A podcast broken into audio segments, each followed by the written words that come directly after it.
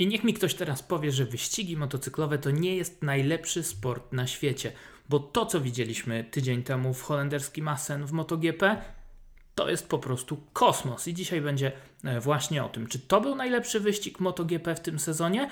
No tu mógłbym mimo wszystko dyskutować, ale nie można dyskutować z czymś innym, że w Assen zobaczyliśmy jazdę godną tegorocznego mistrza świata. I kto tym mistrzem zostanie, to już chyba, przynajmniej moim zdaniem, jest jasne. Ale o tym za moment. Ja nazywam się Michał Fiałkowski, a to będzie 18 odcinek podcastu Mik o Moto. Zaczynamy. Na początek wybaczcie, bo jak zwykle podcast ląduje z poślizgiem i to prawie tygodniowym, ale sporo się ostatnio dzieje w Media for Racing na frontach wyścigowych, dwukołowych, czterokołowych, także jest co robić i nie zawsze mogę po prostu do tych podcastów e, siadać zaraz w poniedziałek po e, Grand Prix. No ale mimo tego poślizgu mam nadzieję, że uda nam się to wszystko sprawnie omówić i przeanalizować. Zaczęło się już w sobotę od genialnych absolutnie e, kwalifikacji. 11 zawodników zmieściło się w pół sekundy. W ostatniej minucie wszystko z... wywróciło się do góry nogami. Jorge Lorenzo na minutę przed końcem czasówki był pierwszy, startował z dziesiątego pola, no ale za to jak wystartował, o tym też za chwilę.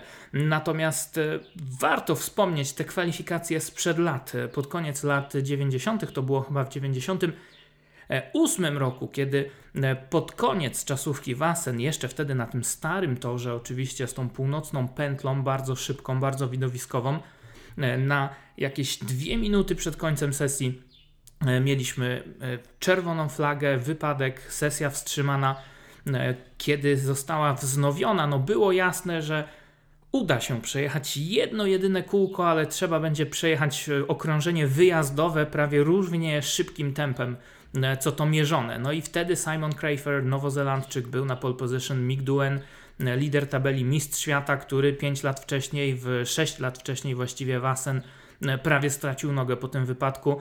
No nie mógł sobie na taką potwarz e, pozwolić, więc wyjechał. Pamiętam, że wystrzelił zanim jeszcze wtedy e, Norikabe. No i Duen zdążył kilka sekund przed upłynięciem czasu rozpocząć to mierzone kółko, przejechać okrążenie z takim tempem, że zgarnął to pole position, odebrał je Simonowi Krajferowi, ale później podobno długo, długo się do niego E, nie odzywał, bo tak był wściekły na to, że musiał naprawdę postawić wszystko e, na jedną kartę. I przyznam szczerze, że od tamtych kwalifikacji ja pamiętam je, e, mimo że to już 20 lat od tego czasu mija, pamiętam te kwalifikacje jak wczoraj. Myślałem, że nic lepszego Wasen w kwalifikacjach nie zobaczę, ale tak się stało. No i stało się również podczas samego wyścigu. Ja tak się zastanawiam, czy to nie jest przypadkiem pierwszy wyścig MotoGP Wasen, który się odbył w lipcu, e, bo zawsze te wyścigi odbywały się w ostatnią sobotę czerwca, później to zmieniono, żeby jednak więcej ludzi przychodziło przez weekend i w ten sposób wyścigi przeniesiono na niedzielę. Ale chyba po raz pierwszy tak to wypadło, że ta ostatnia sobota czerwca to był ostatni dzień czerwca, no i wyścig już e, w lipcu. Także to też taka ciekawostka. Ale przejdźmy do e, konkretów.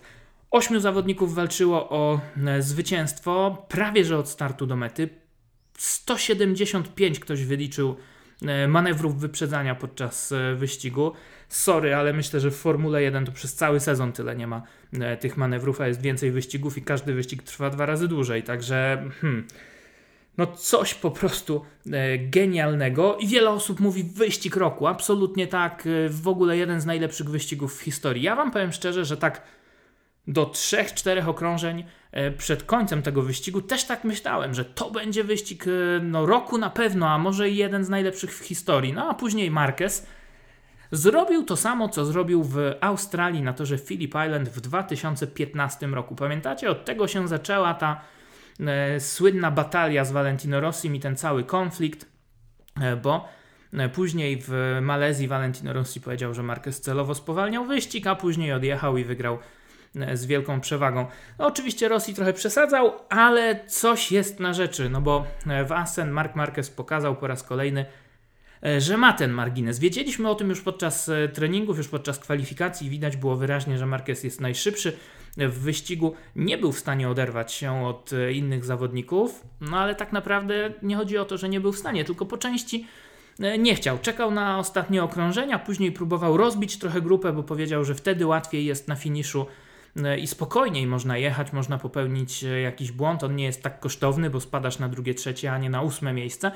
ale na trzy kółka przed metą podkręcił tempo, pojechał niskie 1.34, nikt inny już takiego tempa nie był w stanie utrzymać, wszyscy mieli zajechane opony, a Marquez mimo, że założył pośredni tył, to jednak był w stanie to tempo podkręcić, odjechał od rywali, no i ja przyznam szczerze, no może nie to, że nie smak, ale no trochę byłem zawiedziony, bo liczyłem na to, że jednak zobaczymy walkę o zwycięstwo e, do, od startu do mety. Pod tym względem, moim zdaniem, jednak ten wyścig na przykład w Katarze był ciekawszy. Pierwszy wyścig sezonu, gdzie Marquez i Dovizioso walczyli do ostatniego zakrętu. Tam może w trakcie wyścigu nie było tylu manewrów, nie było tyle walki, ale jednak finish był e, troszeczkę, e, no troszeczkę, zdecydowanie bardziej e, zacięty, chociaż tutaj też ta walka o drugie, trzecie, czwarte miejsce była niesamowita e, do ostatnich metrów, ale pomijając tę końcówkę, no to rzeczywiście wyścig absolutnie kapitalny, fantastyczny.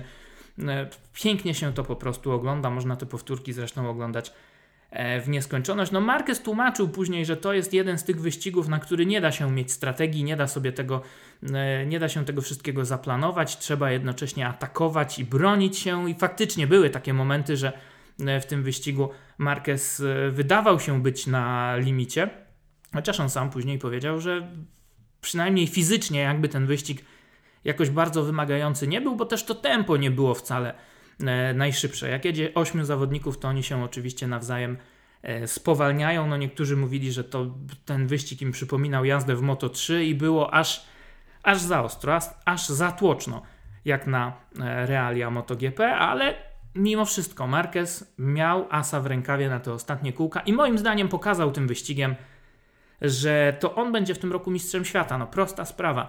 Jak popatrzymy na klasyfikację generalną, Marquez e, prowadzi w tabeli z przewagą 41 punktów. Wygrał 4 wyścigi, dwa razy był drugi.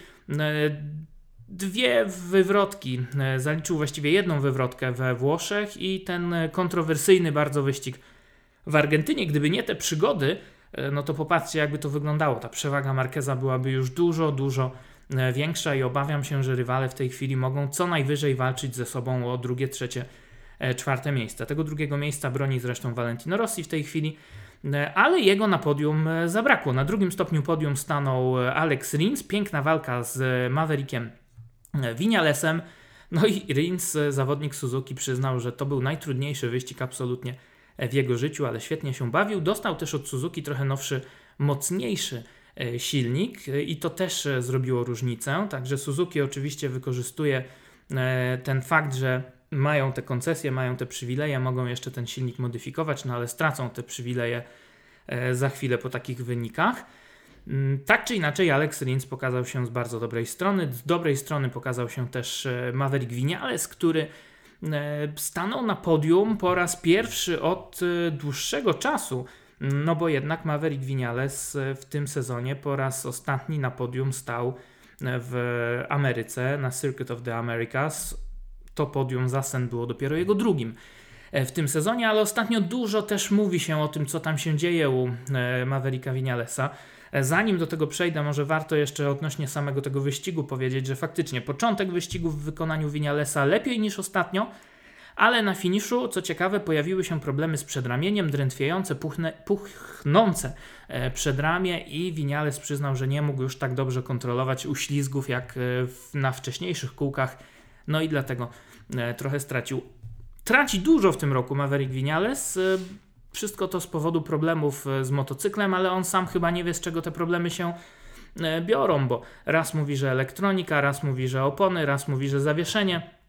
E, dużo ostatnio było dyskusji o tym, że traci na początku wyścigu. Zespół mu powiedział, że to wszystko dlatego, że nie dogrzewa opon odpowiednio na okrążeniu rozgrzewkowym. Zmienił tę strategię, zmienił jazdę na kółku rozgrzewkowym, zmienili też trochę ustawienia zawieszenia.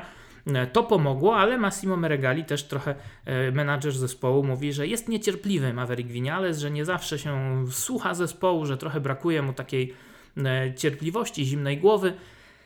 A z kolei Vinales przed weekendem w jednym z wywiadów dla hiszpańskich mediów powiedział, że zespół też często się poddaje, nie walczy do końca, więc widać, że te relacje nie są idealne, ale miejmy nadzieję, że to podium sprawi, że sytuacja zacznie iść wreszcie w dobrą stronę. Na podium zabrakło tym razem Valentino Rossiego i Andrei Dovizioso. Oni pięknie walczyli do ostatnich metrów, ale na początku ostatniego kółka Dovizioso zaatakował Rossiego w pierwszym zakręcie. Valentino Rossi mówi, że to nie był taktycznie zbyt rozsądny manewr, bo obaj wyjechali szeroko, no Rossi to wręcz poza nitkę toru delikatnie i w związku z tym obaj stracili walkę, szansę na walkę o podium. Można powiedzieć, że Valentino Rossi teoretycznie ma trochę racji, E, jak się na to spojrzy jeszcze raz, ale Andrea Dovizioso się broni i mówi e, zaraz, zaraz, Valentino Rossi e, jak zaatakował jak go zaatakowałem, to Valentino Rossi nie raz, tylko dwa razy odpuszczał hamulec i jakby przyspieszał się trochę na wejściu w ten zakręt, to znaczy hamował, hamował, widział, że, że Dovizioso wchodzi pod łokieć, więc odpuszczał hamulec, żeby go e, trochę zostawić z tyłu. No i tak po części Rosji sam się na to pobocze wywiózł, mówi e, Andrea Dovizioso. Poza tym Dovi mówi, no zaraz, hola, ja byłem na wewnętrznej, mogłem robić e, co chciałem, nie przesadziłem, manewr był w normie, także nawet fajnie, że tam zaczyna trochę iskrzyć pomiędzy Włochami. E, może będziemy mieli tutaj jakieś dodatkowe e, smaczki w tej e, rywalizacji. Tak czy inaczej fajnie, że nam Andrea Dovizioso wrócił tutaj do walki E, o czołowe pozycje. No, ukończył ten wyścig przed Valentino Rossim, był czwarty, Rossi był piąty. E, Dowi jest piąty w klasyfikacji generalnej, też traci dwa punkty do e, Joana Zarko. Z kolei tuż za nimi, bo na szóstej pozycji wyścig ukończył Cal Crutchlow i on też dużo ciekawych rzeczy powiedział po wyścigu. Brytyjczyk, który startował przecież z drugiego pola, przyznał, że miał problemy z wyprzedzaniem, bo przegrzewała się przednia opona, szczególnie podczas jazdy w grupie i Cal e, Crutchlow dodał, że gdyby Mark Marquez e, jechał w, w podobnych okolicznościach jak on, czyli gdzieś tam w głębi grupy, gdyby utknął e, za innymi zawodnikami, to wyścigu by nie wygrał, bo też nie byłby w stanie wyprzedzić rywali. Ducati podkreśla też Crutchlow mocniejsze trochę na przyspieszeniu, więc ich też trudno się wyprzedza. No i bardzo ciekawa rzecz. Cal Crutchlow mówi, że zdecydowali się na ten wybór bardziej miękkiej tylnej opony po sesji rozgrzewkowej. Mówi, że założył na rozgrzewkę takie używane opony i już miał na nich nawinięte 24 kółka, kiedy wykręcił tam jakiś swój najszybszy czas. Ale w tym roku też zmieniło się wszystko, jeśli chodzi o o te informacje, jakie pojawiają się na MotoGP.com w sekcji wyników. E, tam oczywiście zawsze poza takimi surowymi wynikami, pozycjami każdej sesji, zawsze jest analiza E, kto przejechał ile okrążeń, z jakimi czasami, z jakimi międzyczasami, kiedy zjeżdżał do boksu i tam zawsze brakowało, nawet pamiętam, kiedy ja też komentowałem te wyścigi e, w, w telewizji, brakowało tej informacji, e, kto na jakich oponach, czy to są nowe, czy to są stare, ile te opony mają przejechane. Jest takie coś od dawna też w live timingu w Formule 1, w MotoGP tego nie było. W tym roku to się zmieniło, e, czy nawet już gdzieś tam w zeszłym roku w pewnym momencie i dzięki temu też e, wiemy, kto na jakich oponach jedzie, kto e, jak bardzo ma te opony zużyte i to wszystko sprawia, że dużo lepiej możemy zrozumieć sytuację, wiemy kto na jakich oponach, na jakim zużyciu i tak dalej, i tak dalej. Więc Cal Crutchlow mówi, no założyłem tę miękką oponę i po warm-upie sobie wszyscy mogli rywale podejrzeć ile kółek, jakie tempo i tak dalej. I dlatego też inni e, ta, tej zmiany opon dokonali przed e, wyścigiem i faktycznie założyli takie bardziej e, miękkie opony. Chociaż na przykład Rins jechał na twardym tyle i był ten twardy tył bardzo, bardzo przyczepny. Kal podkreślał, że ten bardziej miękki tył trochę pchał przód, o tym też często mówią zawodnicy, no i trzeba było na tę przednią oponę bardzo uważać ale ostatecznie e, przejechał całkiem e, niezły wyścig, więc też nie ma powodów e, do niezadowolenia. Też zaznaczył bardzo ciekawą rzecz. Powiedział, że widział, że Joan Zarco i Jorge Lorenzo na finiszu już byli zmęczeni, że już nie mieli siły podczas zmieniania kierunków w tych szybkich zakrętach. No i mówi Karl Crutchlow, że niech oni tylko poczekają, jak wsiądą na te motocykle, którymi będą jeździć w przyszłym roku. Przypomnijmy Jorge Lorenzo na Hondzie, takiej właśnie jak Cal Crutchlow. Brytyjczyk wiele razy mówił o tym, że to jest fizycznie bardziej wymagający motocykl niż Ducati. No a Jean Zarco na KTM-ie, który też Pole Spargaro mówi, że skręca bardzo, bardzo e, opornie, także e, trudne zadanie e, przed nimi.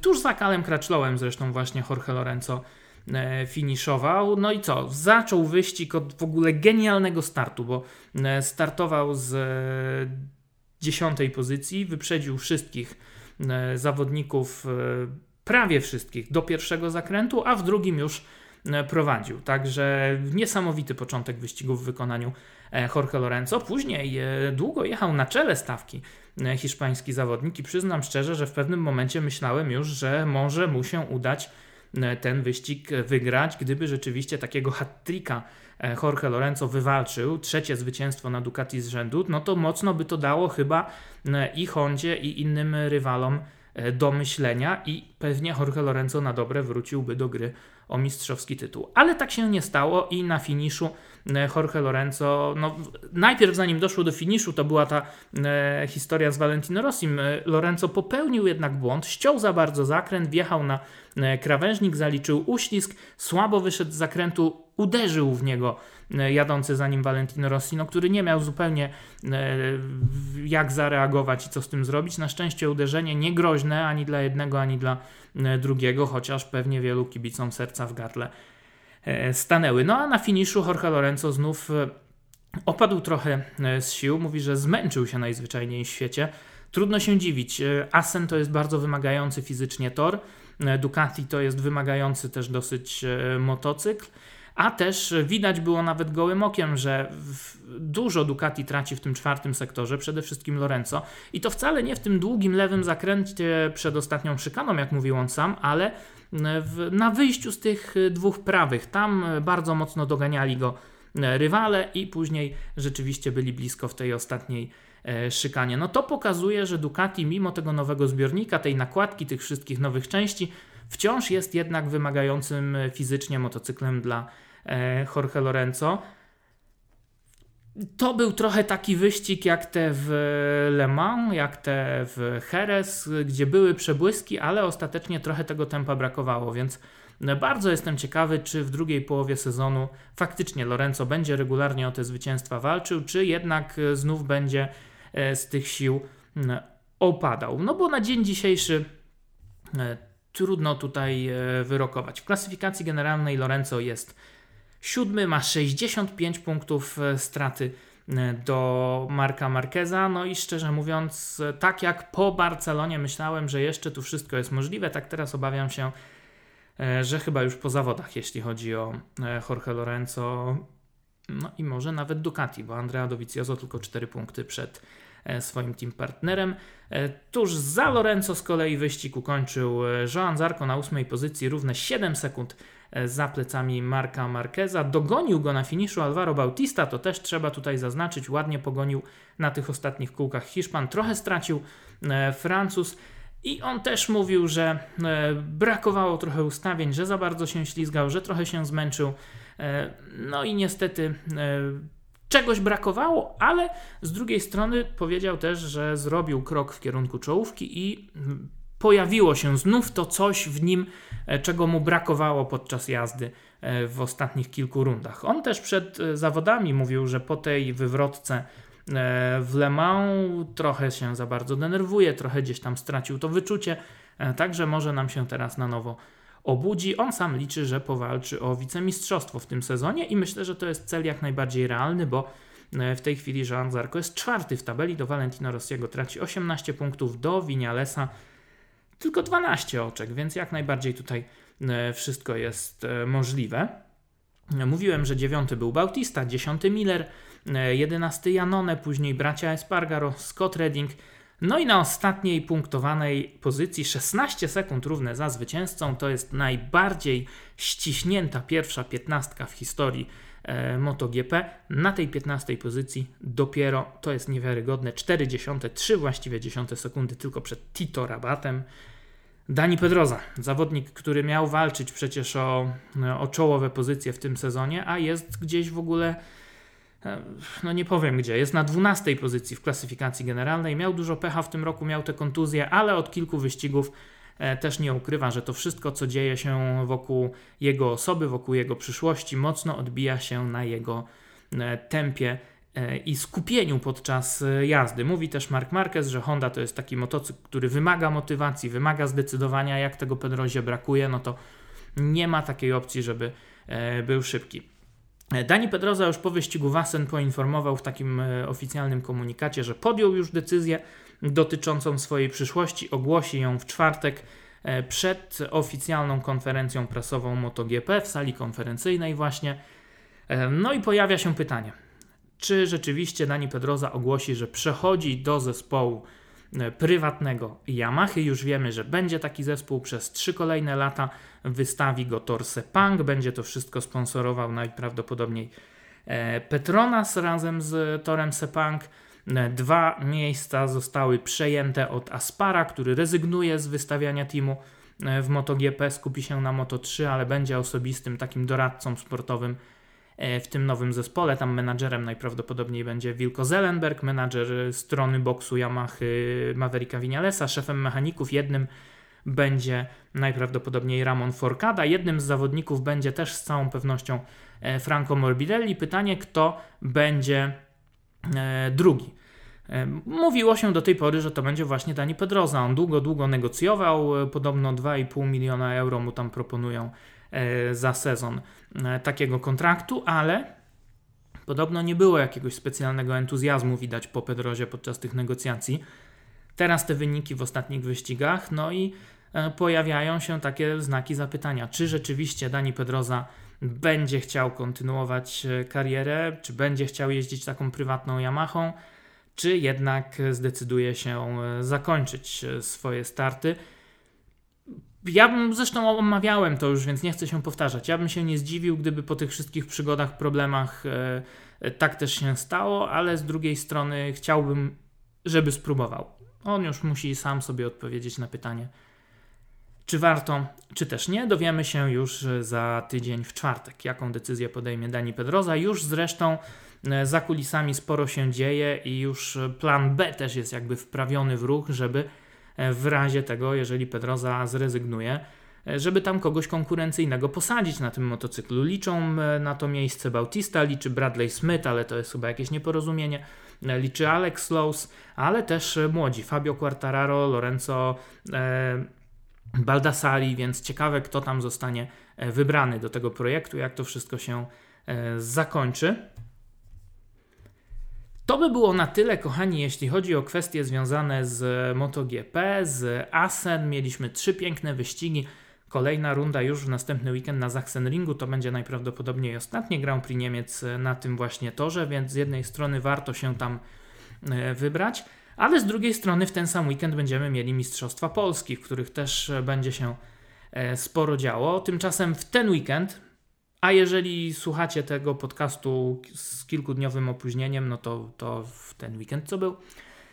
Superbajki na e, Mizano. I to jest też bardzo ciekawa historia, bo jak już wiecie pewnie, ja w tym sezonie komentuję też Mistrzostwa Włoch klasy super, Superbike. No nie tylko Superbike'ów, wszystkich klas, pięciu różnych E, kategorii. Trzy rundy tych mistrzostw Włoch już e, za nami. Ja się w to wszystko niesamowicie wkręciłem, bo to naprawdę e, bardzo ciekawe wyścigi. Ostatnio mieliśmy rundę na torze Imola. Przepiękny wyścig w superbajkach, przepiękny wyścig w supersportach, także w trzysetkach. I wielu zawodników z, z tych mistrzostw w ten weekend właśnie w Mistrzostwach Świata po raz drugi już zresztą z dzikimi kartami. Warto mieć na nich oko, bo tak, e, Matteo Ferrari, obecny lider mistrzostw Włoch Superbike'ów, ostatnio startował też na Imoli właśnie z dziką kartą w stokach 1000, no i wygrał wyścig. E, startowali też inni zawodnicy e, i byli bardzo wysoko. Kevin, Kevin Sabatucci w 300 wywalczył pierwsze w tym roku podium dla Yamaha. Startuje znowu. Startuje teraz też w 300 Tomas Brianti, który no, w Mistrzostwach Włoch dominuje. Wygrał prawie wszystkie wyścigi poza jednym, kiedy miał jakiś problem techniczny, więc ja jestem bardzo ciekawy, co pokaże w Mistrzostwach Świata. W 600 jadą e, obrońca tytułu mistrza Włoch Davide Stirpe i Marco Busolotti, który wygrał ostatni wyścig na Imoli. Oni wszyscy już w tym sezonie startowali w Mizano w Mistrzostwach Włoch, więc e, są rozjeżdżeni, są rozgrzani, znają tor, no i mogą być e, groźni. Groźny może być też Daniel Blin, który startuje na pełen etat w zespole Imre Tota, Team Tot Yard ze wsparciem właśnie Jartu. No i Daniel też startował w Mistrzostwach Włoch już na Mizano, zajął tam 11 miejsce z Nator i jestem bardzo ciekawy, co pokaże w Mizano właśnie w, w ten weekend zmiana trochę e, klimatów i zmiana e, torów z Włoch. Przenosimy się do Hiszpanii i tutaj trzeba to e, głośno powiedzieć. Wielkie, wielkie brawa dla Piotrka Biesiekirskiego, który też dwa tygodnie temu, całkiem niedawno, wywalczył pierwsze zwycięstwo w Mistrzostwach Hiszpanii. No, pierwsze w historii zwycięstwo polskiego zawodnika. Piotrek wygrał w klasie Open. Wiem, że tam jest e, sporo ambitnych planów e, związanych z Piotrkiem, więc warto mieć go e, na oku. Więcej nie wiem przecież, więc tutaj nie, nic Wam nie powiem, ale na pewno warto ten hiszpański kierunek doglądać. No i taka ciekawostka.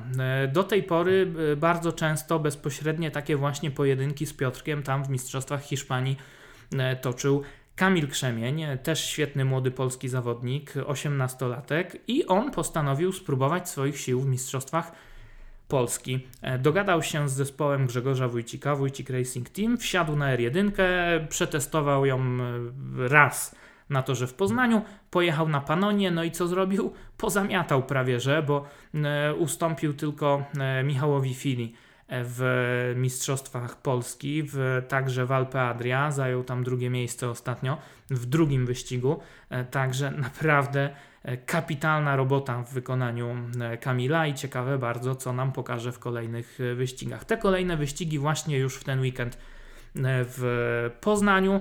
Będzie ciekawa walka na pewno braci Szkopków o prowadzenie w generalce w superbajkach. Będzie ciekawa walka E, w stokach 1000, bo tam jest mocna, mocna konkurencja w tym roku. Będzie ciekawa walka w 600, także i w 300, e, więc warto do Poznania też się wybrać. Ja będę właśnie tam w ten weekend, więc jak w, odwiedzicie tor Poznań, wpadajcie przybić piątkę, a jak nie, to słyszymy się w kolejnym odcinku podcastu Mikomoto. Ten podcast oczywiście po tej rundzie e, MotoGP na Sachsenringu. Tymczasem wielkimi e, krokami też odliczamy już dni do ostatniej rundy FIM EWC. E, to jest oczywiście 8 godzin na torze Suzuka. Część teamów już tam testowała w tym tygodniu. Mokre testy, więc chyba Wójcik Racing Team dobrze zrobili, że na te testy nie polecieli, ale oni tam jako polski team pierwszy w historii wystartują. To będzie 29 lipca, w ten weekend też e, czwarta runda Mistrzostw Włoch, e, właśnie na torze w Mizano, druga runda w Mizano dla tej serii, więc sporo, sporo się dzieje w trakcie tego sezonu. Jest się czym ekscytować, jest co oglądać. No niestety, obawiam się jednak, że jeśli chodzi o MotoGP, to po części jest już po zawodach i Mark Marquez może być poza zasięgiem. No ale z drugiej strony jakoś specjalnie też widowiska to Wasen nie zepsuło, więc oby jak najwięcej takich wyścigów MotoGP jak ten e, Wasen. Do usłyszenia, trzymajcie się, cześć.